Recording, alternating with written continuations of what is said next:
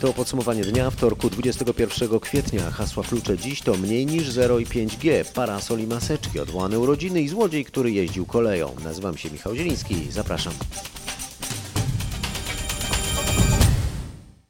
W dzisiejszym podsumowaniu dnia powiemy m.in. o tym, jakim cudem ropa ma ujemną cenę, czy Kim Jong-un ma koronawirusa, a także o tym, jak telefony komórkowe przyciągają kleszcze. Zapraszam do wysłuchania mojego autorskiego zestawienia faktów z wtorku 21 kwietnia, zestawienia sporządzonego dzięki pracy korespondentów i reporterów RMFFM. Na całym świecie liczba zarażeń koronawirusem przekroczyła dziś 2,5 miliona. W Polsce liczba zarażonych sięga 10 tysięcy, a liczba zmarłych przekroczyła 400. Rząd rozważa lokalne znoszenie restrykcji mających powstrzymywać rozprzestrzenianie się koronawirusa.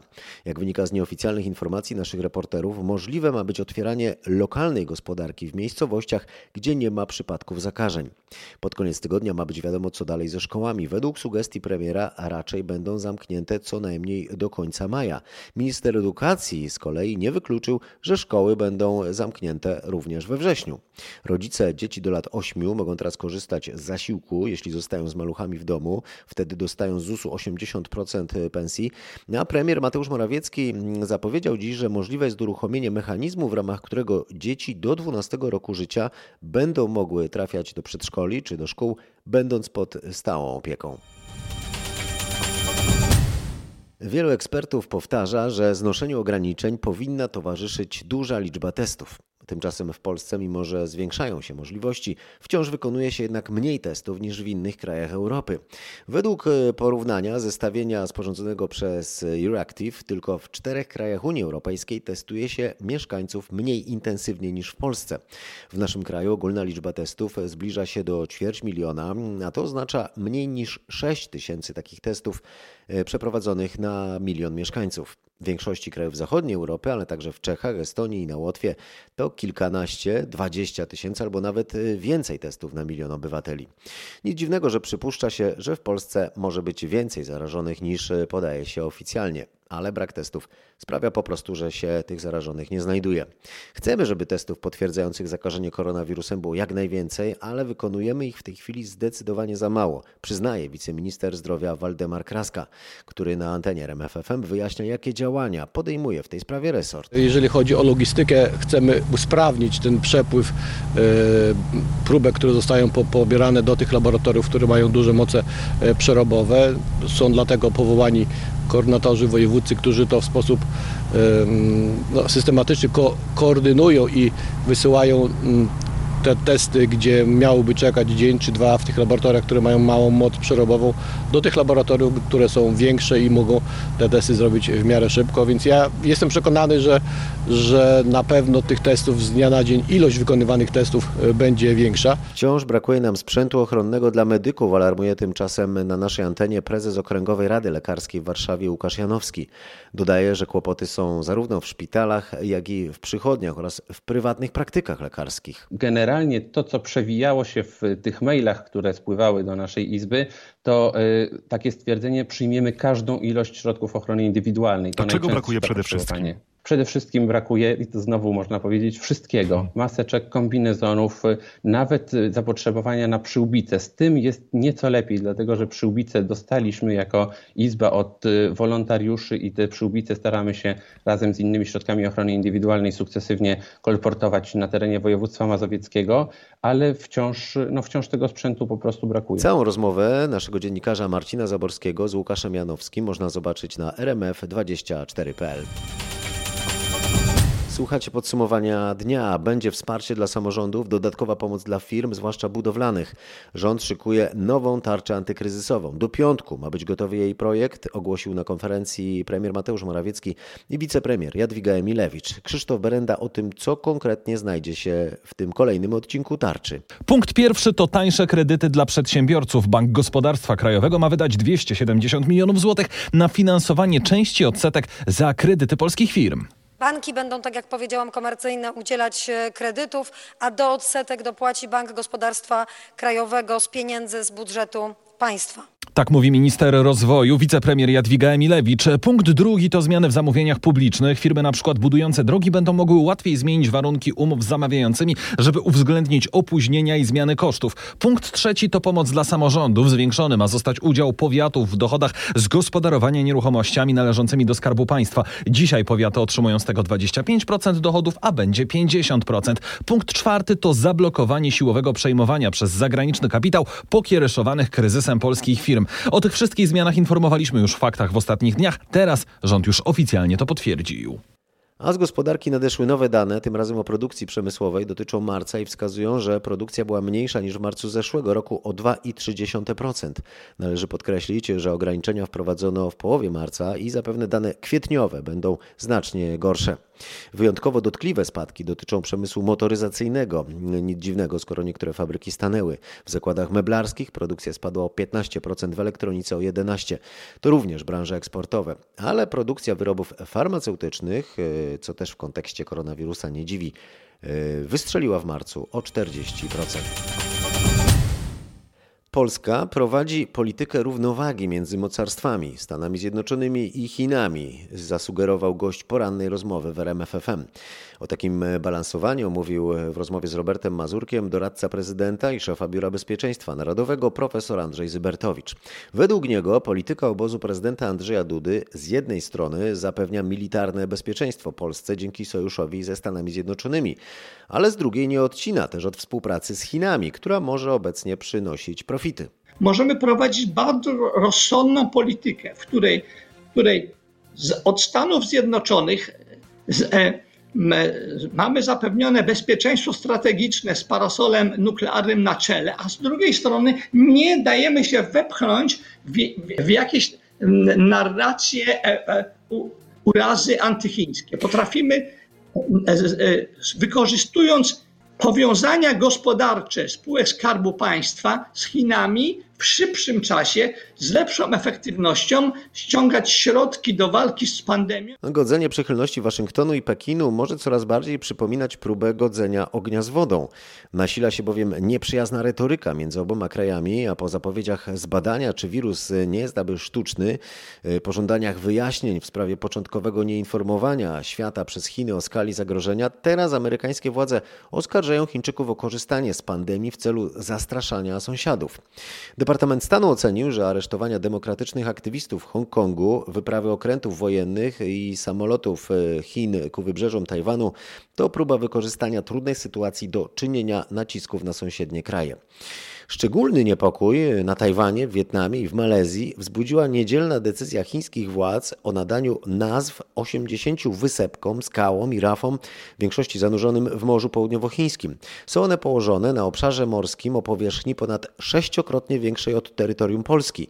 I ten teren w piątek został dołączony wedle chińskiego prawa jednostronnie do obszaru jednej z chińskich prowincji. A światowe napięcie wzrosło dziś dodatkowo wraz z pojawieniem się pytań o stan zdrowia przywódcy Korei Północnej. Według południowo-koreańskiego portalu Daily NK, który powołuje się na anonimowe źródło w północnej Korei, 36-letni Kim Jong-un jest w stanie krytycznym po niedawno przebytej operacji.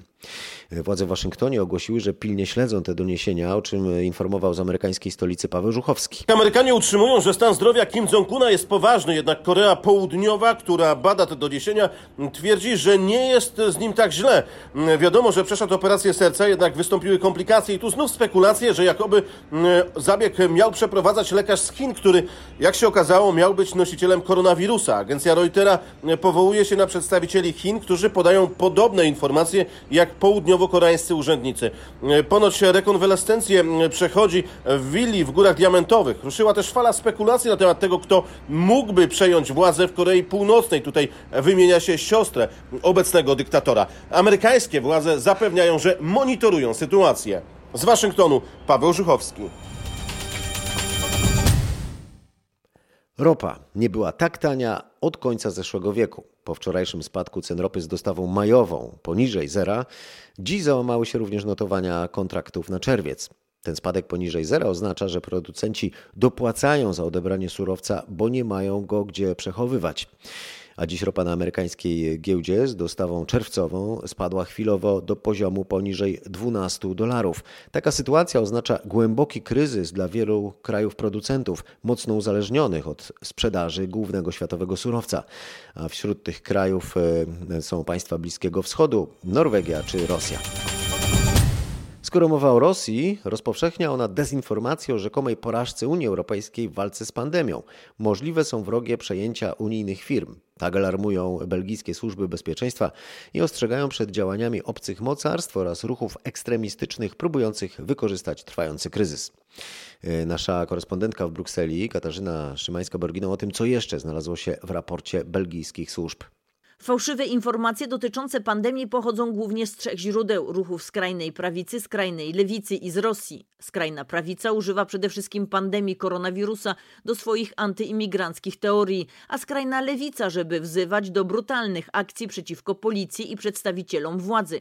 Z kolei Rosja, jak czytamy w raporcie, aktywowała farmy troli. W Europie prorosyjską propagandę lansuje przede wszystkim skrajna prawica. Rosyjska dezinformacja koncentruje się na udowadnianiu, że Europa sobie nie radzi. W raporcie służby zwracają także uwagę na niebezpieczeństwo wrogich przejęć belgijskich firm, przeżywających trudności oraz na możliwość wpływania na decyzje władz przez mocarstwa udzielające pomocy humanitarnej. A w cieniu pandemii Rosja kończy pracę nad prawnymi ramami dla systemu EFIR. Komputerowa baza ma gromadzić wszystkie informacje o mieszkańcach Rosji, od urodzenia aż do śmierci. Również te o stosunkach rodzinnych, wynagrodzeniu czy wszystkich miejscach pracy w ciągu życia. O szczegółach z Moskwy Przemysław Marzec. Politycy tu w Rosji mówią o realizacji cyfryzacji kraju, przeciwnicy o cyfrowym obozie koncentracyjnym. Bazą będzie co prawda zarządzała Federalna Służba Podatkowa, ale nie ma żadnych wątpliwości, że ta baza będzie dostępna dla każdej innej instytucji, także tych specjalnych. Bazę zresztą już zaczęto tworzyć, wprowadzając do niej dane z aktów cywilnych osób żyjących od 1926 roku, a to pół miliarda ludzi. Ale do bazy będą trafiać historie chorób, informacje o związkach rodzinnych czy krewnych. Politycy zapewniają, że to dla dobra obywatela i dla usprawnienia działalności państwa. Nasilają się zamieszki w części podparyskich imigranckich get. Młodzieżowe bandy atakują policjantów, podpalają samochody i kosze na śmieci. Yy, Marek Gładysz o tym, co wywołało te zamieszki. Mieszkańcy imigranckiego getta w Wilne-Flageren twierdzą, że policjanci w zbyt brutalny sposób zatrzymali 30-letniego mężczyznę, który nielegalnie jeździł tam w nocy po ulicach motocyklem, mimo obowiązującego z powodu epidemii koronawirusa zakazu wychodzenia z domów. Próbował on rozjechać usiłujących go zatrzymać funkcjonariuszy. Ci ostatni przewrócili go otwierając drzwiczki swego samochodu. Mężczyzna doznał ciężkich obrażeń nogi. Młodzieżowe bandy już drugą noc z rzędu atakowały policjantów kamieniami i sztucznymi ogniami, celując nimi w stróżów porządku. MSW sugeruje, że nie chce dolewać oliwy do ognia. Teraz Wielka Brytania, 94. urodziny obchodziła dziś brytyjska królowa Elżbieta II. Właściwie nie obchodziła, skromniej niż e, zazwyczaj odbyły się te uroczystości z uwagi rzecz jasna na pandemię koronawirusa. Monarchini przebywa na zamku w Windsorze pod Londynem. Więcej na ten temat opowie nasz londyński korespondent Bogdan Frymorgan. Na prośbę królowej zrezygnowano z salw armatnich, jakie co roku w Hyde Parku i twierdzy Tower uświetniały jej urodziny. Monarchini poleciła także, by nie wywieszać z tej okazji flag, jeśli taka czynność łamałaby zasady dystansu społecznego. Brytyjska królowa w obecnym kryzysie jest dla Brytyjczyków ważnym punktem odniesienia. Choć to nieporównywalne sytuacje, jej ojciec Jerzy VI był także także dużym wsparciem dla wyspiarzy podczas II wojny światowej. Mimo iż mamy do czynienia z innym wrogiem, życie na wyspach zostało znacznie zaburzone. Warto dodać, że królowa Elżbieta II obchodzi w ciągu roku dwukrotnie urodziny, dziś te biologiczne i oficjalne, które przypadają na drugą sobotę czerwca urodziny dwa razy do roku, no cóż, królowej się nie wybiera, a wybiera się prezydenta. Wspomnianego na początku dzisiejszego podsumowania dnia Andrzeja Dudy nie będzie na jutrzejszej debacie kandydatów na prezydenta, którą będziecie mogli śledzić od 15 na rmf24.pl. Kryzys klimatyczny, scenariusze dla Polski, takie jest hasło debaty z kandydatami organizowanej przez e, ONZ Global Compact, Kantar oraz RMFFM. Paweł Balinowski, który będzie jednym z prowadzących tę debatę, powie o tym, e, jakie tematy będą poruszane. Te główne będą trzy: energia, powietrze i woda. I to właśnie o kwestie związane z wodą, a właściwie z jej brakiem, będę pytał w imieniu RMFFM, jak pokonać zgubne skutki suszy, która pojawia się już kolejny rok z rzędu i najpewniej czeka nas też w następnych latach, jak przeciwdziałać klęsce nieurodzaju w rolnictwie i wyschnięciu nie tylko rzek i jezior, ale też naszych portfeli, bo kiedy jest susza, żywność gwałtownie drożeje. Na te pytania odpowiedzą Małgorzata Kidawa-Błońska, Władysław Kośniak-Kamysz, Szymon Hołownia i Robert Biedroń. Zapraszamy. Również zapraszam, a teraz zachęcam do wysłuchania dalszej części podsumowania dnia. Za chwilę o tym, dlaczego lepiej nie brać ze sobą do lasu telefonu komórkowego. Od wczoraj można iść do lasu bez maseczki, można też się wybrać szlakiem któregoś z parków narodowych, ale Tatrzański Park pozostaje zamknięty. Są jednak wyjątki, o czym dowiedział się nasz reporter Marek Wiosło. Otwarte będą tylko cztery doliny reglowe, które są ulubionymi trasami spacerów wśród mieszkańców Zakopanego. Dolina Białego, Dolina Strążyska, Dolina Kudziurze i Zabramką. Nadal zamknięte będą najbardziej popularne wśród turystów szlaki do Morskiego Oka w Dolinie Kościeliskiej, Dolinie Chochołowskiej czy na Kasprowy Wierch. Ma to być ważny komunikat dla tych, którzy chcieliby przyjechać w Tatry, by tego nie robili. Niemal cały Tatrzański Park Narodowy nadal będzie zamknięty. Do lasów można znów wchodzić, ale ściółka jest sucha jak pieprz.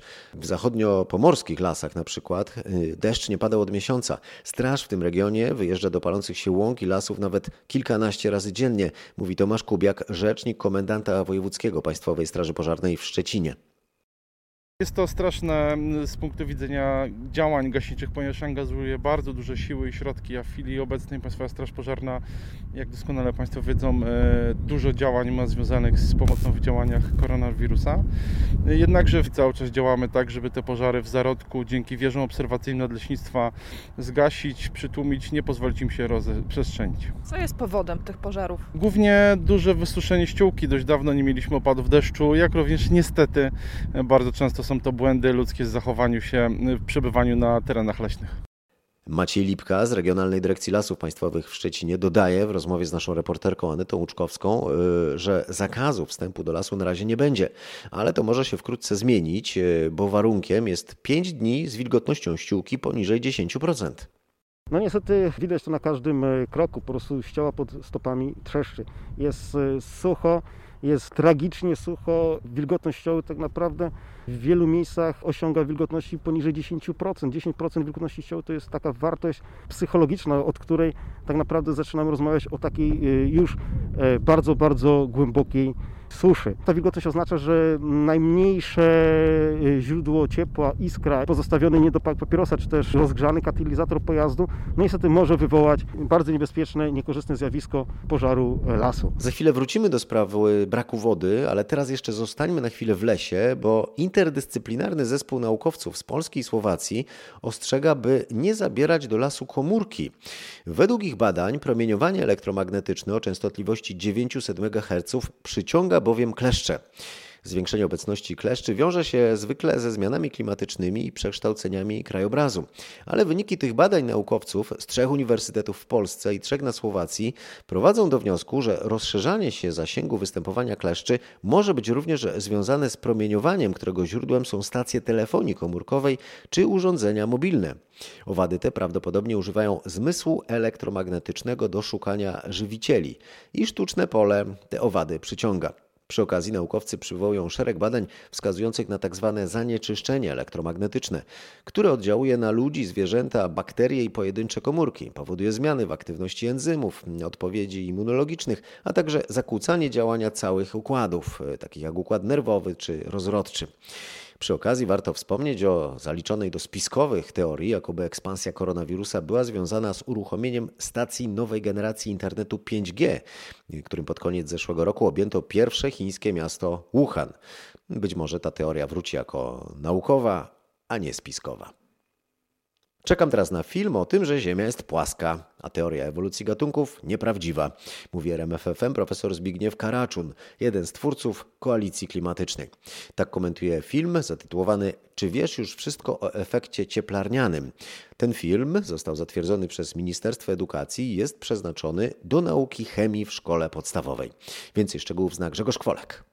Widz filmu zatwierdzonego przez MEN może dojść do wniosku, że to dobrze, że klimat się ociepla. Kolejna epoka lodowcowa na Ziemi może nadejść o dziesiątki tysięcy lat później. Dzięki temu być może unikniemy głodu, upadku rolnictwa, epidemii czy gwałtownego spadku liczby ludności. Mówi lektor. Materiał pomija większość negatywnych skutków, takich jak choroby, susze, globalny głód czy konflikty.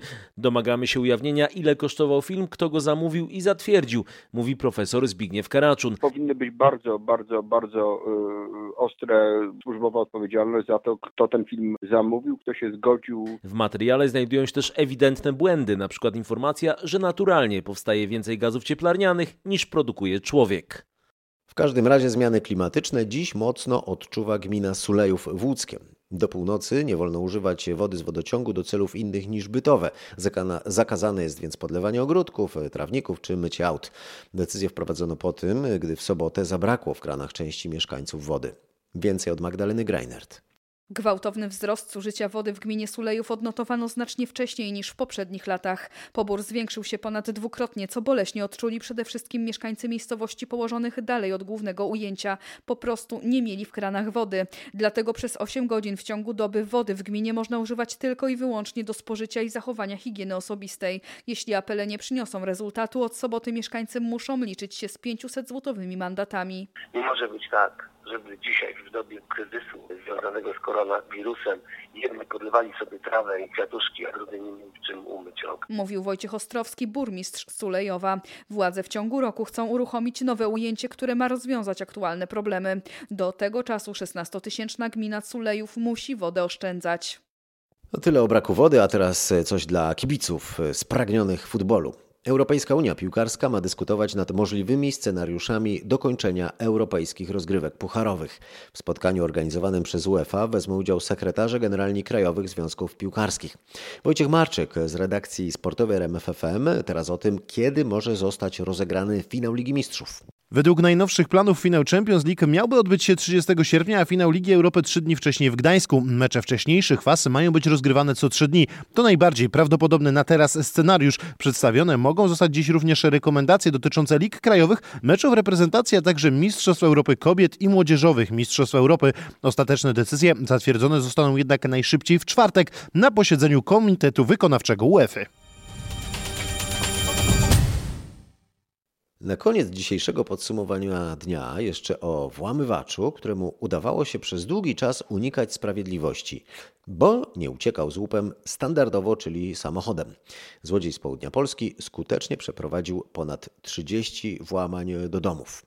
Korzystając z map internetowych oraz zdjęć, mężczyzna robił dokładne rozpoznanie terenu. Dzięki temu doskonale znał układ ulic i miał opracowaną drogę ucieczki. Zawsze wybierał miejsca w pobliżu małych dworców kolejowych, bo na każde włamanie samotnie jechał pociągiem. Po włamaniu do wybranego domu kradł głównie pieniądze i biżuterię. Czasem był to też drogi sprzęt komputerowy. Wpadł w Kobiurze na Śląsku, bo świadkowie zapamiętali jego sylwetkę oraz drogę ucieczki. Po zatrzymaniu przyznał się nie tylko do tego ostatniego włamania, ale też i do wielu innych w pasie odwrotnym Wrocławia przez Opole po Pszczynę. O złodzieju, który uciekał koleją, opowiadał nasz reporter Marcin Buczek. Ja dziękuję za uwagę. Już teraz zapraszam na jutrzejsze wydanie podsumowania dnia.